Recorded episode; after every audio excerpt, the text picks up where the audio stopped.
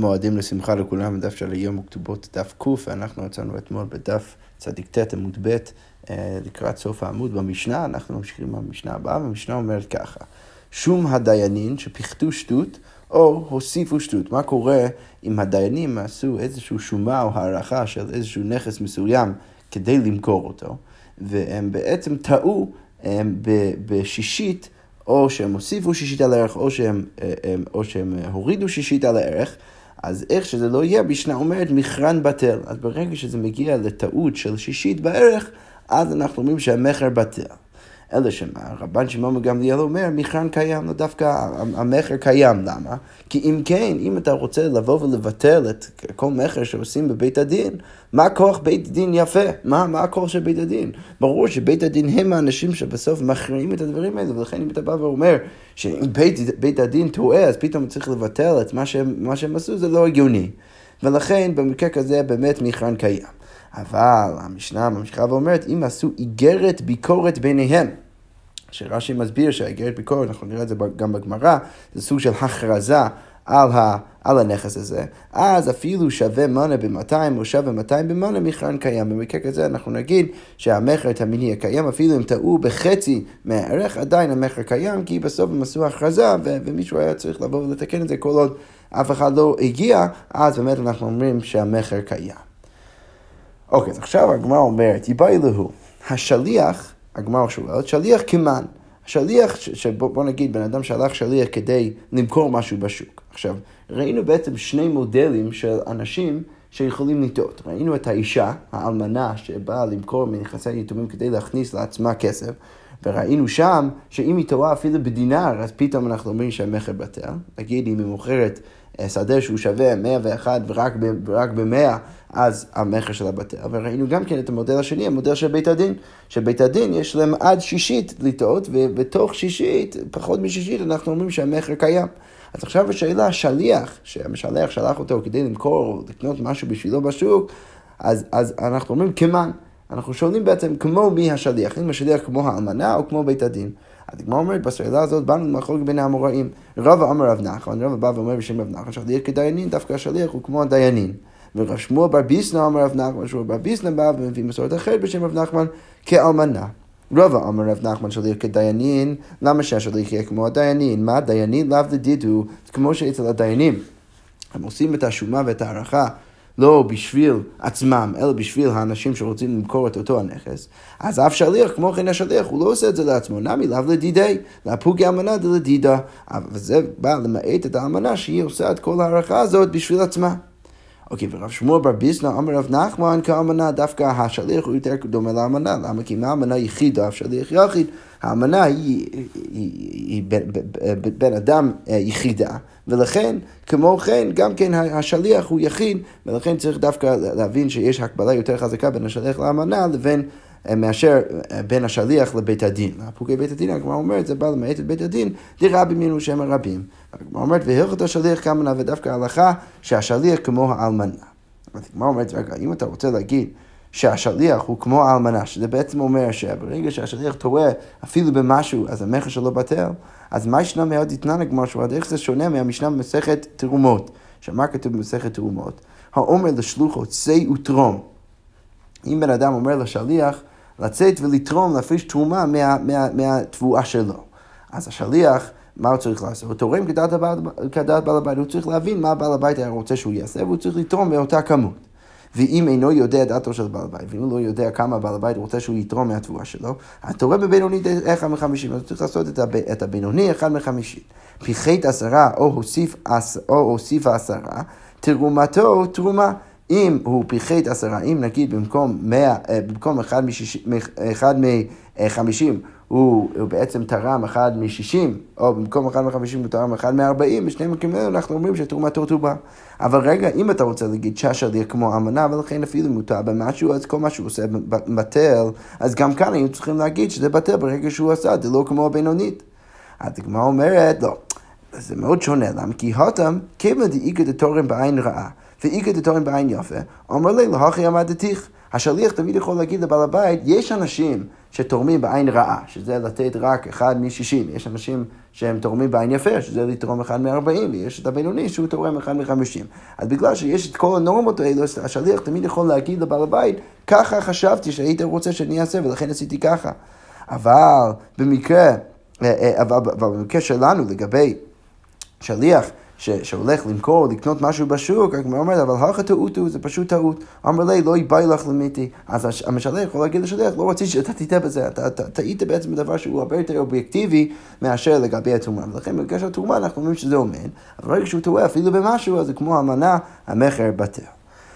הגמרא אומרת, אמר רב הונא בר חנינא, אמר רב נחמן, הלכה כדברי חכמים. אז בא רב הונא בר חנינא ואומר בשם רב נחמן, שבמשנה שלנו שאמרנו שיש מחלוקת בסיטואציה שבית הדין טועים אה, בשישית, שרבן שמעון גמליאל אומר שהמכר קיים וחכמים אומרים שהמכר בטל, אז רב נחמן בא ופוסק כמו חכמים. אז הגמרא אומרת, רגע, ולית לי לרב נחמן מה כוח בית דין יפה? אתה רוצה להגיד לי שרב נחמן לא סובר כאותה סברה של מה כוח בית דין יפה, שאמר רבן שמעון גמליאל? הרי והאמר רב נחמן אמר שמואל, הרי רב נחמן אמר בשם שמואל, יתומים שבאו לחלוק מניח הבין מה קורה יש כל מיני יתומים שבא, שבאים עכשיו, הם לכאורה כולם קטנים, לא יודעים בדיוק איך לחלק את הנכסים, והם באו עכשיו לחלק נכסים. עכשיו, מה בית הדין צריך לעשות? אז שמואל בא ואומר, בית דין מעמידים להם אפוטרופוס. אז אפוטרופוס אחד, שהוא אחראי על כל יתום ויתום, שהוא צריך בעצם לברר בשבילו אה, אה, חלק יפה. עכשיו, שמואל ממשיך ואומר, בואו להם חלק יפה כמו שהסברנו. עכשיו, שמואל מוסיף שברגע שהיתומים הופכים להיות גדולים, הגדילו, יכולים למחות, הם יכולים למחות באותה החלוקה ולהחזיר את החלוקה ולעשות חלוקה מחדש. עכשיו, על זה, כל זה רב נחמן אמר בשם שמואל, ועל זה רב נחמן אמר בעצמו, ורב נחמן דידי אמר, הגדילו אין יכולים למחות, אם הם הגדילו הם לא יכולים למחות, למה? כי אם כן, מה כוח בית דין יפה? אה, מה משהו מזה? משהו מזה שרב נחמן כן סובר כאותה סברה, מה כוח בית דין יפה, ולכן למה כאן הוא פוסק כמו חכמים ולא כמו בת שבא גמליאל?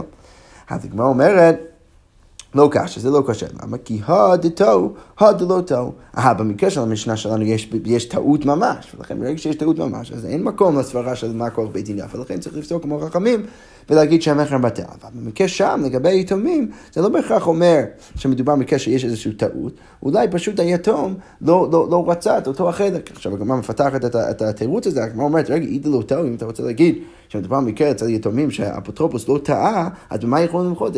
איזה טענה יש, לה, יש ליתום לבוא ולמחות? אז כמו אומרת ברוחו, הוא יכול בעצם לטעון שהשדה שהוא קיבל זה לא במיקום הנכון. מה שכותב, טוב לי ליטול חלקי במזרח. למה שיש לי אצלה שדה שנפל מבית אבי, אמי.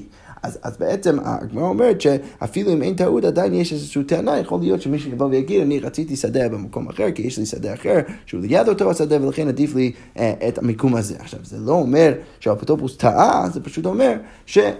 יש איזו טענה אחרת צדדית שהיתום עכשיו יכול לטעון. ולכן באמת במקרה כזה, רב נחמן יגיד שזו אולי טענה חזקה, אבל בסוף אנחנו אומרים אה, מה כוח בית דין יפה. במקרה של טעות ממש, שם אנחנו פוסקים כחכמים ולא כמו אה, רבן שמעון וגמליאל. הגמרא מספר כי את רב דימי, כשרב דימי הגיע מארץ ישראל, אמר מייסה ועשה רבי כדברי חכמים, אז היה איזשהו מעשה, ובאמת רבי עשה כמו דברי חכמים, ביטל מכר שבית דין טעו בו בהערכה, בשומה. אז הגמרא אומרת, אמר לפניו פרטה, בנו של רבי אלעזר בן פרטה, בן בנו של רבי פרטה הגדול, אז פרטה, הבן של רבי אלעזר בן פרטה, שהוא היה בן בנו של רבי פרטה הגדול, בא ואומר, בא ואומר לרבי, רגע, אם כן, מה הכוח בית דין איך אתה יכול לעשות את זה, מה הכוח של בית הדין אם אתה תעשה דבר כזה, ובאמת, רבי, רבי הקשיב, והחזיר רבי את המייסה, ולכאורה בסוף פסק כמו רבן שמעון גמליאל.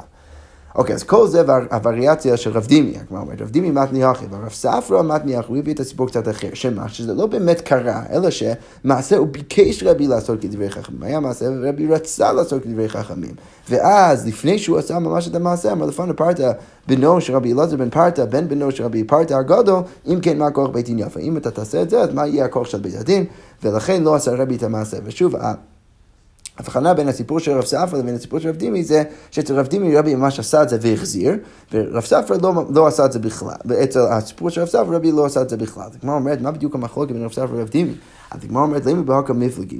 לכאורה המחלוקת בין רב ספרא ורב דימי זה בנקודה הבאה.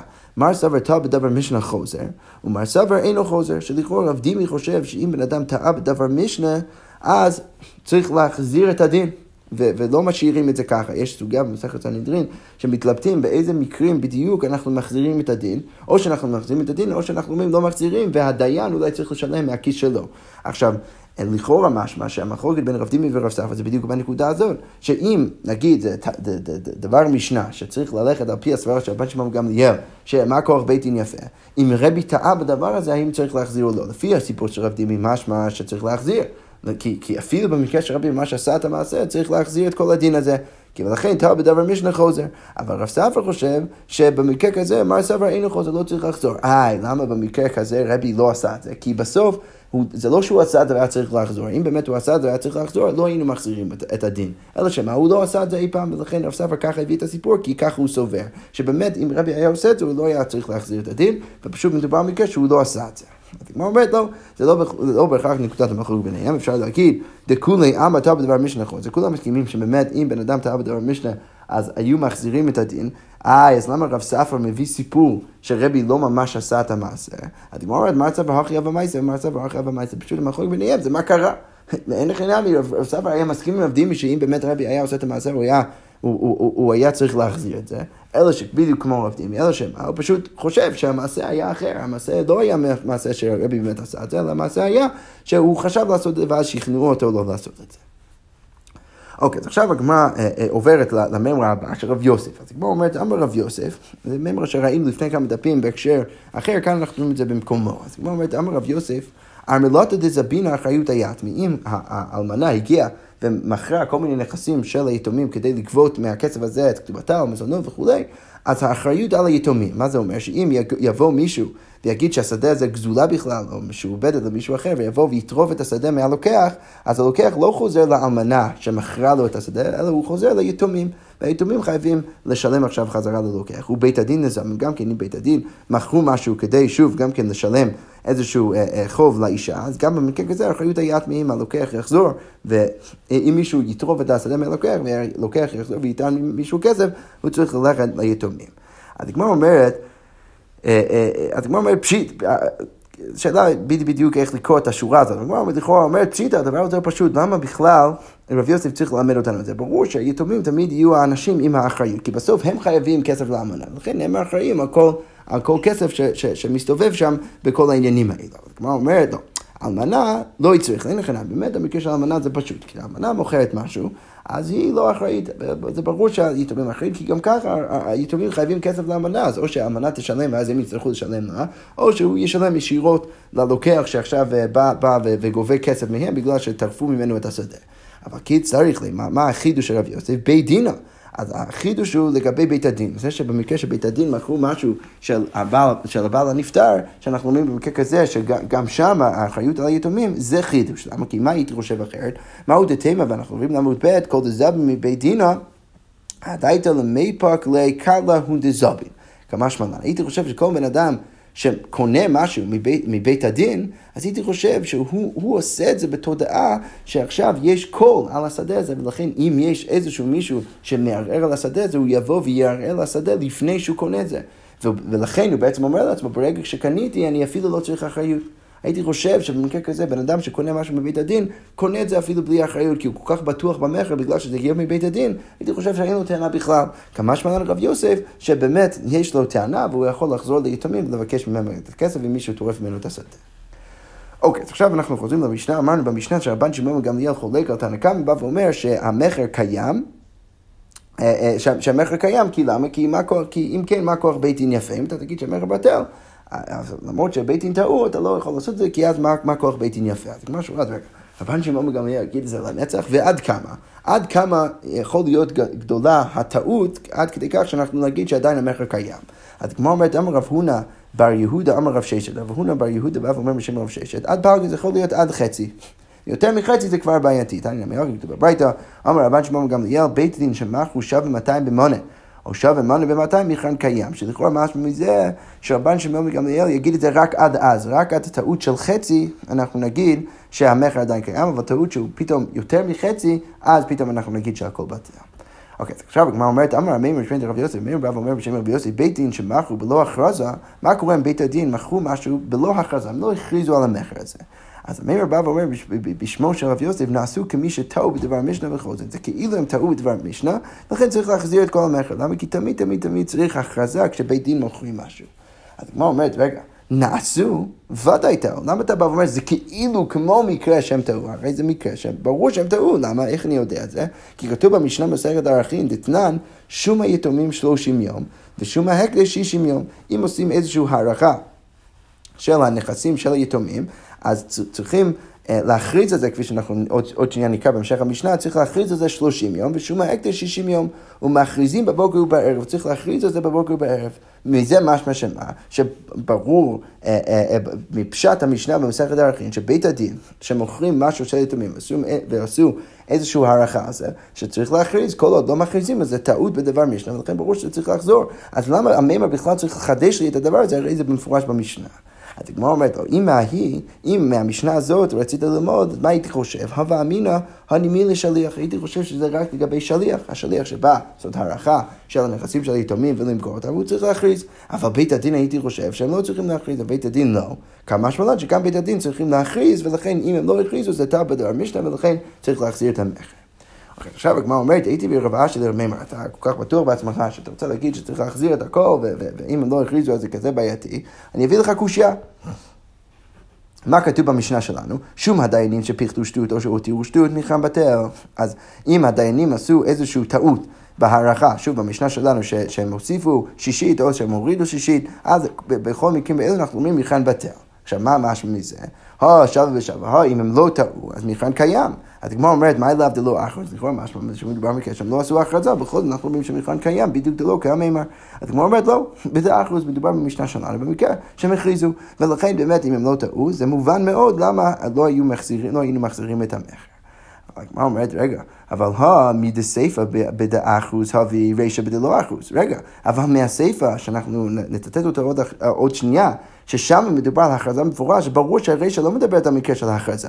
למה, מה כתוב בספר? תקטני סיפא, אם עשו איגרת ביקורת, שאנחנו אמרנו שזה כבר איזושהי איגרת של הכרזה על המכר, אז אפילו מה חושב מנה ב-200 או שווה 200 במנה, מבחן קיים. אז לכאורה משמע שמה, שברגע שהם עשו הכרזה בסייפה, שמה, שדווקא בסייפה הם עשו הכרזה, אבל ברגע שלא לא עשו הכרזה. אז באמת משמע מזה, שבמקרה שהם לא עשו הכרזה, כל עוד בית דין לא טעו, עדיין אנחנו לא, לא מבטלים את המכר, אנחנו אומרים שהמכר קיים. אז כמו אומרת לו, אלא לעולם בדלא אחוז, באמת אין חינמי, מדובר במקרה שהם לא הכריזו. היי, אז למה במשנה, אתה יכול לדייק לכאורה במשנה שבמקרה שבית הדין לא טעו, אז, אז המכר קיים, הרי הם לא הכריזו, בדיוק לא קיים מימר. אז הוא אומר לא קשיא, כמה דברים שמכריזים עליהם, וכמה דברים שאין מכריזים עליהם. אז המימר התכוון לדברים שמכריזים עליהם, שכדאי וצריך להכריז עליהם, והמשנה שלנו מדברת רק על דברים שבדרך כלל לא מכריזים עליהם, שאנחנו תכף נראה מה הם. אבל זה בעצם אומר שלכן זה לא כזה מפתיע שבמקרה שבית דין לא טעו, אז המכר קיים. איזה דברים לא מכריזים עליהם, ואילו הם דברים שאין מכריזים עליהם, הגמרא אומרת, העבדים והמיטלטלים והשטרות. עכשיו, למה לא מכריזים על כל, כל, כל המכירות של הדברים האלו? אז הגמרא אומרת, עבדים תימא מאי, למה לא מכריזים על עבדים שמוכרים אותם? שמא ישמעו ויברחו, כי אולי העבדים עצמם ישמעו שעוד שנייה מוכרים אותם, ואז הם יברחו משם. ומיטלטלים שטרות, למה לא מכריזים עליהם? שמא יגנבו, כי אולי האנשים יבינו שהמטלטלים, הדבר המטלטל הזה, או השטר הזה, עוד שנייה הולך להימכר, ויבוא מישהו ויגנוב את זה, ולכן לא, שם לא עושים הכרזה. שוב, הגמרא אומרת, אז המשנה שלנו דיברה ספציפית על הדברים האלו, ולכן אין חינם, אתה יכול לדייק שאם בית הדין לא טעו, אז לא, לא uh, מחזירים את המכר, המכר קיים, אבל זה רק בגלל שמדובר במקרה של, של דבר שלא מכריזים עליו. אוקיי, אז הגמרא אומרת, והיא בהתאם עוד תירוץ שאתה יכול להבין, שאתה יכול להגיד, כאן בשעה שמכריזים, כאן, בשעה שאין מכריזין, אז המימר התכוון לתקופה מסוימת שבו מכריזין ורלוונטי להכריז, וכאן בשעה שאין מכריזין, והמשנה שלנו מדברת על מקרה שלא מכריזים. למה לא מכריזים? אז אנחנו תכף נראה עוד שנייה, אבל זה בעצם אומר שזה לא כזה בעיה שאתה יכול לדייק מהמשנה שהמכר קיים, אפילו אם לא הכריזו, כי מדובר על איזושהי סיטואציה שבו לא מכריזים. באיזה סיטואציה לא מכריזים? דאמרי נרדאי, כשאמרו בנרדאי, לחרגה למזוני ולקבורה מזבנינה בלא הכרזתה. אז לשלם מיסים למזונות של האישה ולקבורת הבעל, אז מוכרים את, הית, את הנכסים של היתומים בלי שום הכרזה. למה שיעשו דבר כזה? כי כל דבר, כל אחד מהדברים האלו זה דבר שלא לא, לא, אי אפשר לחכות אליו. למה? למה? כי צריך לשלם את המס. צריך שלאישה יהיה אוכל, וצריך לקבור אה, כמה שיותר מהר את הבעל שנפטר, ולכן בשלושת המקרים האלו לא מכריזים. אז שוב, הגמרא אומרת, המשנה שלה מדברת הסיטואצ... על שלושת הסיטואציות האלה, ולכן אין הכי נמי, באמת, אם בית דין לא טעו, אז מכר קיים, כי אפילו לא הכרזה, כי מדובר על דברים שלא מכריזים עליהם. ואי בית אימה, וגם כן אפשר להציע, כאן במקום שמכריזים. כאן במקום שאין מכריזים. המימר דיבר על מקום מסוים שמכריזים, והמשנה שלנו מדברת על מקום שלא מכריזים. דאמר רב נחמן מאול לא עשו איגר ביקור בנהר דוי, שרב נחמן כבר אמר ש, שלא מכריזים בנהר דוי, ולכן כשהמשנה שלנו, כשאתה יכול לדייק משם שהמכר קיים אפילו אם לא הכריזו, מדובר על מקום שבו לא מכריזים בכלל, ולכן אין שום ציפייה של ההכרזה, ולכן הכל בסדר גמור. אז הגמרא עכשיו שואלת, רגע, למה בכלל שיעשה, ש, ש, שיהיה דבר כזה בנרדאי שלא עושים הכרזון? אז הגמרא אומרת, סבור מינה משום דבקי בשומה. אז חשבו שזה אולי בגלל ש... ש, ש ש, שהאנשים בנרדאי הם כל כך בקיאים בהערכות שלא צריך בכלל להכריז על הערכה כי הם כל כך יד, ידוע שתמיד יהיה נכון. אז הגמרא אומרת לו זה לא נכון, אמר ליה רב יוסף בר מניומי לא, לדידי מפרשא לי מיניה דרב נחמן, אני שמעתי מרב נחמן שלמה לא מכריזים בנהרדעא משום דקרו להו בני אכלי נכסי דאכרזתא כי, כי, כי, כי, כי זה לא טוב להכריז, למה? כי אז זה בעצם נותן איזה אינטרס לכל אחד לבוא ולקנות את הנכס במחיר מאוד נמוך. למה? כי הוא, הוא ידע שה... נגיד עושים איזושהי הכרזה על הנכס של היתומים, אז הבן אדם יבוא ויגיד, אני יודע שהיתום הזה הוא חייב בעצם למכור את זה, אז הוא יעשה לו דיל הרבה פחות טוב ברגע שעושים את ההכרזה. ולכן במקום כמו נהרדאי אז לא מכריזים. ושוב, אנחנו הבאנו את זה רק כדי לתרץ את השאלה על המימר. המשנה שלנו, נחנמי, אתה יכול לדייק משם שאפילו לא הכרזה מכר קיים, זה רק במקום, לפי התירוץ הזה, זה רק במקום שלא מכריזים. עכשיו הגמרא אומרת, אמר רב יהודה אמר שמואל, מטלטלין של יתומים, אם יש כל מיני מטלטלים של יתומים ברגע שהבעל נפטר, שהאבא נפטר, אז יכול להיות שעוד שנייה הם ירדו בערך, ולכן מה צריך לעשות באותו רגע שהוא נפטר? שעמידו אותנו ומוכרים אותם לאלתר. צריך לעשות איזושהי שומה, הערכה של המטלטלים עכשיו, ולמכור אותם מיד, כדי שיהיה הכי, הכי הרבה כסף ב, בירושה של היתומים וזה לא ירד בערך. הגמרא אומרת, רב חיסדא אמר אבימי מוכרים אותם לשווקים. אז רב חיסדא אמר בשם אבימי איזה, איזשהו ניסוח קצת אחר, שצריך דווקא למכור אותן בשוק. שזה, שזה לכאורה מקום שבו הם, הם, הם יצליחו למצוא, אה, אה, למצוא אחלה מחיר ואחלה דיל, כי יש מלא אנשים שרוצים שם למכור את המטלטלים. אז איכשהו לא יהיה, כל אחד בעצם רוצה איכשהו להכניס הכי הרבה כסף לתוך הירושה של, של היתומים. הדבר אומר בדיוק את זה, ולא פליגי ואין מחלוקת בין, אה, בין שמואל לבין אבימי. למה? הדמיקרב שוקה, אז, אז אבימי מדבר על עולם או על סיטואציה שבו השוק קרוב ולכן זה באמת אופציה, והא, ושמואל מדבר על מקרה, תמרחק שוקה שהשוק רחוק ולכן עדיף למכור את זה מהר מאשר לחכות לשוק. כמו אומרת רב כהנא, הווה בידי שיחרא דרב משעשע בר חילקה יתמה. אז רב כהנא היה בידיו השיכר של רב משעשע, הבן של חילקאי, שהוא היה יתום. אז מה הוא עשה? שיד רגלו, אז הוא, הוא השאיר את השיכר אצלו עד הרגע. עכשיו, למרות שזה אולי יתקלקל קצת, עדיף לו להשאיר את זה עד הרגע, כשהוא בטוח ימצא אנשים ש, שירצו לקנות את זה במחיר טוב, לכן הוא השאיר את זה ככה. אז כמו אומרת, אמר, אף אגב לנפל ביצצה, למרות שזה יתקלקל קצת ויהיה איזשהו טעם לא, לא כזה טוב, בכל זאת, מה הייתי זוז לחריב? עדיין, אני אביא, אני אכניס הרבה כסף מאוד מהר ברגע שאני מחכה לרגע, כי ברגע כולם רוצים שיכר. אוקיי, רבינה הווה בידי חמר דרבינה זוטה יתמה בר אחתה. אז רבינה היה בידיו יין של רבינה הקטן, רבינה זוטה, שהוא היה יתום והוא היה גם הבן של אחותו של רבינה. ומה הוא עשה? אבל לידידי נמי חמר וגם לעצמו היה יין. אז מה הוא רצה לעשות? הווה קמאסיק לסיכרה. אז הוא רצה לקחת את היין שלו בספינה למקום שקוראים לו סיכרה כדי למכור שם את היין. אז עד לכמה דרבשי שואל אותו, האם אני יכול לעשות אותו דבר גם כן עם היין של האחיין שלי?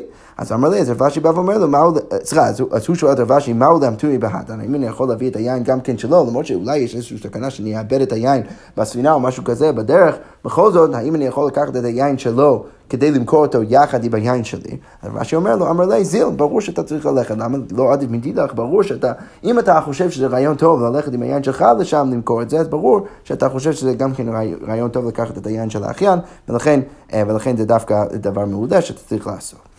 אוקיי, עכשיו אנחנו נמשיך במשנה הבאה, והמשנה אומר ככה, הממאנת, אישה, אה, אה, שוב ראינו את זה כזה כמה וכמה פעמים, גם במסכת יבמות, גם עכשיו בכתובות, זו אישה אה, קטנה שהייתה נשואה רק מדי רבנן, שהאחים או אימא שלה, לאחר שאבא נפטר, הסיעו אותה למישהו אחד, למישהו מסוים בתור קטנה, אז היא יכולה לעשות מה שנקרא מיון, היא יכולה פשוט מתישהו להחליט שהיא רוצה לבטל כל העסק, ובעצם יוצא שלמפרע הם לא היו אי פעם נשואים. אז המשנה אומרת, היא ממאנת אישה כזאת, והשנייה, שהיא אסורה מדי רבנן, לאותו הבן אדם שמתחתנת איתו, והאיילונית, בכל המקרים האלו אין להם כתובה. אז הן לא מקבלות כתובה, למה? הממאנת כאילו יוצא למפרש, הן לא היו נשואות. השנייה זה גזירה, ראינו בסוגיה אחרת שזה גזירה אה, שגזרו חכמים בשנייה שהיא לא מקבלת כתובה. אה, זה סוג, סליחה, זה סוג של, אה, סוג של קנס שהיא לא מקבלת כתובה. והאילונית זה בגלל שזה מקח טעות, כי ברגע שהוא מגלה שהיא הייתה האילונית, אז בעצם זה יוצא שזה מבטל כל עשר. ולא פירות, וגם כן לא מקבלת את התקנה של פירות, רש"י מסביר שהתקנה כאן, זה שתקנו חכמים תרומת הפירות שהיא מביאה לבעל, אז הוא צריך בעצם אה, לפדות אותה מה, מה, מהשבי. עכשיו, היא לא מקבלת את הזכות הזאת בגלל שהיא לא באמת, אה, אה, כל שלושת האנשים האלה לא באמת היו נשואות לאותו בן אדם. ולא מזונות, היא לא מקבלת גם כמזונות, ולא בלעות, אם היא מכניסה איזשהו בגד שהוא לובש, אז כשהיא יוצאת מביתו, כשהיא יוצאת מביתו, היא לא מקבלת את אותו הבגד. אוקיי, אבל המשנה גם כן מוסיפה שאם מתחילה נסעה לשם העילונית, יש לה כתובה. אם בהתחלה הוא התחתן איתה בתנאי שהוא יודע שהיא עילונית, אז היא מקבל כתובה. אוקיי, עכשיו המשנה משכה ומספרת, אמנה לכהן גדול, גושה וחוץ לכהן הדיוט, ממזר נותן לישראל, בת ישראל נותן לממזר, שכל המקרים האלה זה באמת איסורי לאו.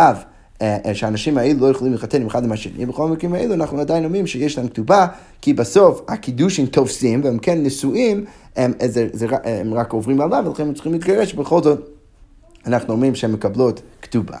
אז כמו אומרת, רב תני, קטנה יוצא בגט, אין לה כתובה, וכל שכן ממנת. עכשיו אנחנו פתאום מגלים שיש באמת מחוקת באמוראים סביב איך לגרוס בתחילת המשנה. אנחנו קראנו הממאנת, שהממאנת לא מקבל כתובה, אבל הגמרא עכשיו אומרת שזה לא בהכרח נכון שכולם גרסו ככה. רב דווקא גרס אחרת במשנה. רב תני קטנה במקום ממאנת, הוא גרס במשנה קטנה, ש, שאפילו אם הייתה נשואה מדאורייתא והוא גירש אותה בגט, עדיין אין לה כתובה. וכל שכן ממאנת, ברור שממאנת גם כן לא תקבל כתובה, מדין כל שכן מהקטנה. אבל שמוע אותני ממאנת. אה, אה, שמואל גרס במשנה ממאנת שדווקא היא אין לה כתובה, אבל יוצא בגט יש לה כתובה. אבל אישה שהייתה ממש נשואה, רק, אה, רק גירש אותה בגט, בעוד שהיא קטנה, אז במקרה כזה יש לה כתובה. והגמר אומרת, ואז לשמואל לטעמי, שמואל גם כן הולך לשיטתו. למה דאמר שמואל ממאנת אין לה כתובה, יוצא בגט יש לה כתובה בדיוק כמו שהבנו עכשיו בשיטת שמואל. עכשיו הגמרא ממשיכה ואומרת כל מיני דינים סביב הממאנת. הגמרא אומרת ששמוע ממשיך ואומר שהממאנת לא פסלה מן האחים. אם, אם האישה הייתה נשואה כאילו בתור קטנה מדי רבנן לבן אדם מסוים ואז היא מיענה בו באותו בן אדם, אז היא לא עכשיו... אה, אה, פסולה מה, מהאחים, היא לא אסורה לאחים, למרות שאנחנו בדרך כלל אומרים שאישה שהייתה נשואה לבן אדם מסוים, אם הם מתגרשים, אז היא עכשיו אסורה לכל האחים שלו, כאן היא לא אסורה לאחים, כי הם לא באמת היו נשואים, ולא פסה מן הכהונה, וגם כן לא פסה מן הכהונה, היא, היא לא נחשבת כאישה גרושה, והיא עדיין מותרת לכהונה. וגם, אה, אבל, אבל בניגוד לזה, בניגוד לממאנת, היוצא בגד, פסה מן האחים ופסה מן הכהונה, היא עכשיו אסורה לאחים, ופסולה גם כן לכהונה. אוקיי, עוד דין שאמר שמואל, אה, הבחנה בין הממאנת לבין היוצא בגט. ממאנת אינה צריכה להמתין שלושה חודשים, לא צריכה לחכות שלושה חודשים עד שהיא מתחתנת שוב, והיוצא בגט צריכה להמתין שלושה חודשים. אז הגמרא אומרת, מה, מה, כל החידוש הזה? הרי אנחנו כבר אמרנו את זה ביבמות, בדף, בדף ק"ח עמוד א', שכתוב שם, תנינא כולו, אנחנו כבר הבאנו את כל הדינים האלו. הממאנת באיש, הוא מותר בקרובותיה והיא מותר בקרובה, ולא פסה בניקונה. נתן לה גט, הוא אסור בקרובותיה, והיא אסורה בקרובה ועושה בניקונה, שזה בדיוק מה ששמואל אמר, למה אתה צריך להגיד לי את ההבחנה הזאת? אז כמו אומרת, הכי נמי, כל זה באמת לא חידוש, אלא שמה צריך להמתין שלושה חודשים וצריך ל... זה שמואל היה צריך להגיד, שיש חילוק בדין הזה בין הממאנת לבין היוצא בגט, שאצל הממאנת לא תחייב לחכות שלושה חודשים לפני שהיא מתחתנת שוב, והאישה שיוצאה בגט, אפילו אם היא הייתה קטנה, עדיין צריכה לחכות שלושה חודשים, שזה שמואל היה צריך להביא, כי זה לא כתוב, הגמרא אומרת, צריך להמתין שלושה חודשים צריך אלי דלא תנן, זה לא כתוב במסכת במו, ולכן את הדין הזה רצינו להביא, ולכן הבאנו. את כל הממרה הזאת של שמוע שמבחין לכל מיני מקומות והקשרים בין הממאנת והיוצא בגט. שכוייח.